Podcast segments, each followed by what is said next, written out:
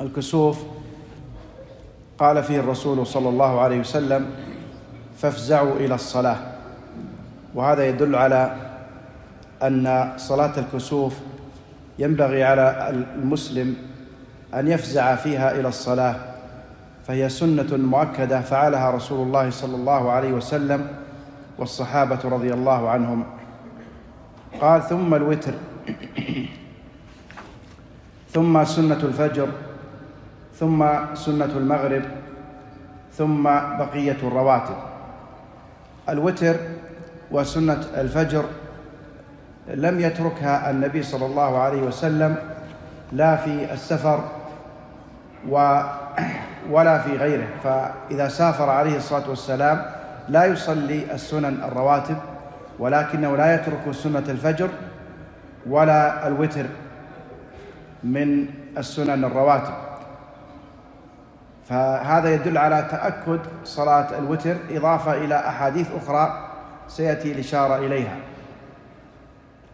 والسنن الرواتب هي ركعتان قبل الفجر وأربع قبل الظهر وركعتان بعدها وركعتان بعد المغرب وركعتان بعد العشاء.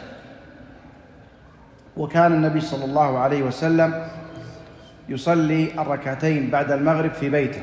يقول ابن عمر رضي الله عنهما صليت مع النبي صلى الله عليه وسلم ركعتين بعد المغرب في بيته. قال ووقت صلاة الوتر بعد العشاء إلى طلوع الفجر. يبدأ وقت صلاة الوتر بعد العشاء يعني بعد صلاة العشاء. ولو جمعت إلى المغرب جمع تقديم. فلو كان الرجل مسافرا أو نزل مطر وجمعت المغرب العشاء مع المغرب فيبدأ وقت الوتر من بعد صلاة العشاء. قال إلى طلوع الفجر. لحديث عائشة رضي الله عنها قالت فانتهى وتره صلى الله عليه وسلم إلى السحر لأن قالت من كل الليل أوتر. يعني بعض الأحيان أوتر أول الليل وبعضها أوتر أوسط الليل. قالت فانتهى وتره إلى السحر. فإذا طلع الفجر انتهى وقت الوتر. حينئذ لو فاتت الإنسان بأن أذن الفجر وهو لم يوتر فيقضيها في الضحى كما سيأتي. قال والأفضل آخر الليل لمن وثق بقيامه. الأفضل الوتر آخر الليل لأن هذا الوقت وقت مشهود. وفيه التنزل الإلهي. قال عليه الصلاة والسلام ينزل ربنا إلى سماء الدنيا حين يبقى ثلث الليل الآخر. فيقول من يدعوني فأستجيب له من يسألني فأعطيه من يستغفرني فأغفر له. وإلا أوتر قبل أن يرقد.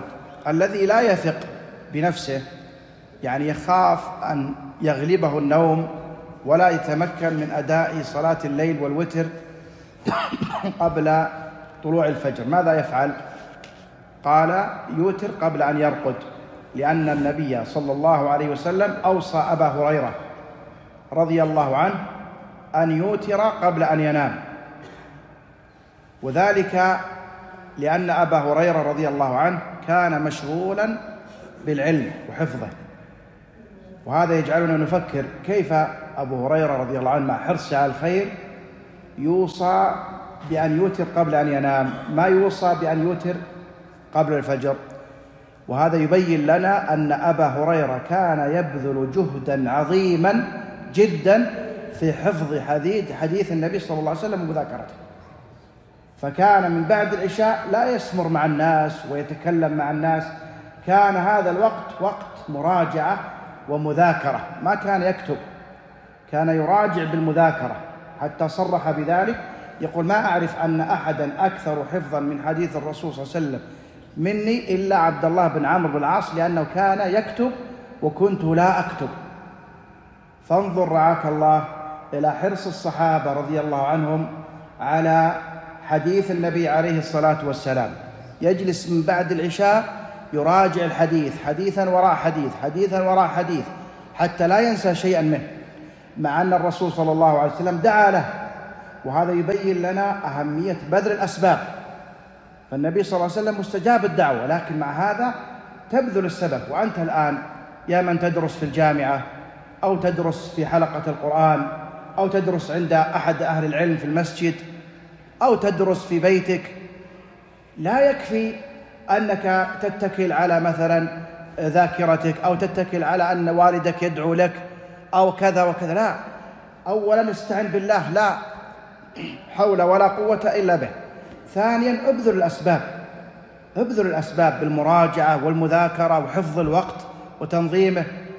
وأخطر ما يكون على طالب العلم والذي يريد التميز في تخصصه أخطر ما يكون عليه هو هذا اللهو الذي نعيشه الآن نراه.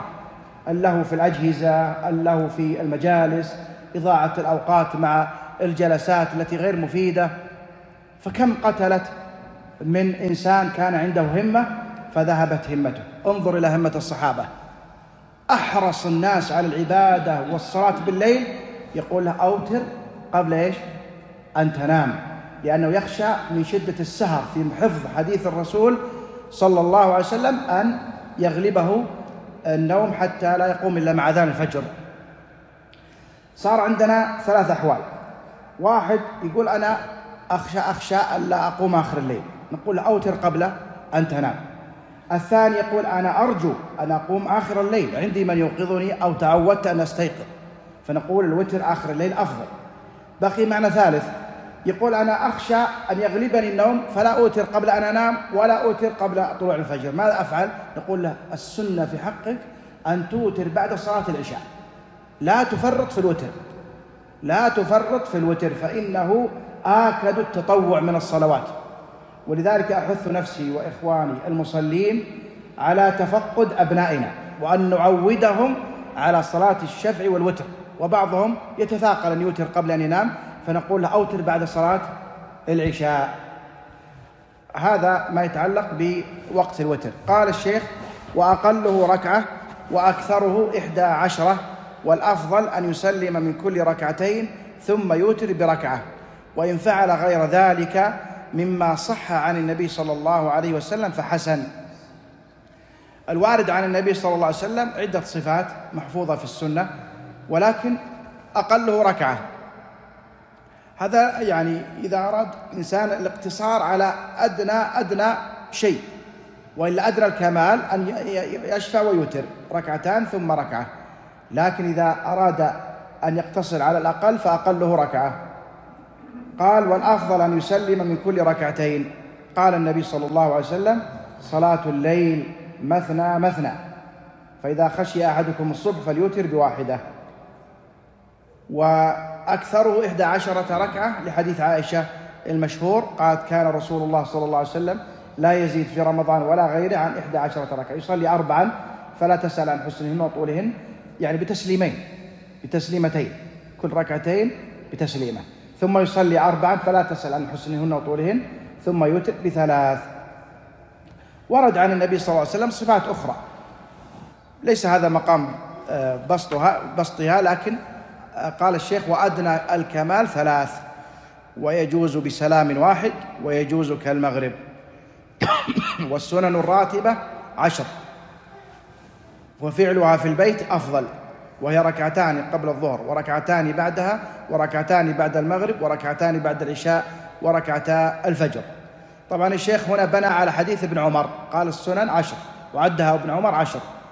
ولكن في حديث أم سلمة أنها اثنتا عشرة ركعة فيصير قبل الظهر بدل اثنتين كم؟ أربع قبل الظهر. قال ويخفف ركعتي الفجر ويقرأ فيهما بسورتي الإخلاص أو يقرأ في الأولى بقوله تعالى قولوا آمنا بالله وما أنزل إلينا الآية التي في سورة البقرة. وفي الثانية قل يا أهل الكتاب تعالوا إلى كلمة سواء بيننا وبينكم. هذه السنة أيها الإخوة بعض الناس يغفل عنها. ما هي؟ ركعة الفجر التي خير من الدنيا وما فيها كان رسول الله صلى الله عليه وسلم يخففها. حتى تقول عائشة رضي الله عنها هل قرأ بأم الكتاب أم لا؟ فبعض الناس إذا جاء بعد أذان الفجر يصلي ركعتي الفجر يطيلها ويطيل السجود ويطيل الركوع ويطيل الدعاء. نقول له السنة يا أخي الكريم أن تخفف هاتين الركعتين. تقرأ الفاتحة وقل يا أيها الكافرون في الركعة الأولى وتقرأ الفاتحة وقل هو الله أحد في الركعة الثانية. أو تقرأ الفاتحة والآية التي في سورة البقرة آية واحدة احفظها. قولوا آمنا بالله وما أنزل إلينا. إلى آخر الآية. والركعة الثانية الفاتحة والآية التي في سورة آل عمران قل يا أهل الكتاب تعالوا إلى كلمة سواء بيننا وبينكم. إلى آخر الآية. هكذا كان رسول الله صلى الله عليه وسلم يفعل. مرة هكذا ومرة هكذا. أسأل الله أن يتقبل مني ومنكم وجميع إخواننا المسلمين وصلى الله وسلم وبارك على نبينا محمد وعلى آله وصحبه أجمعين.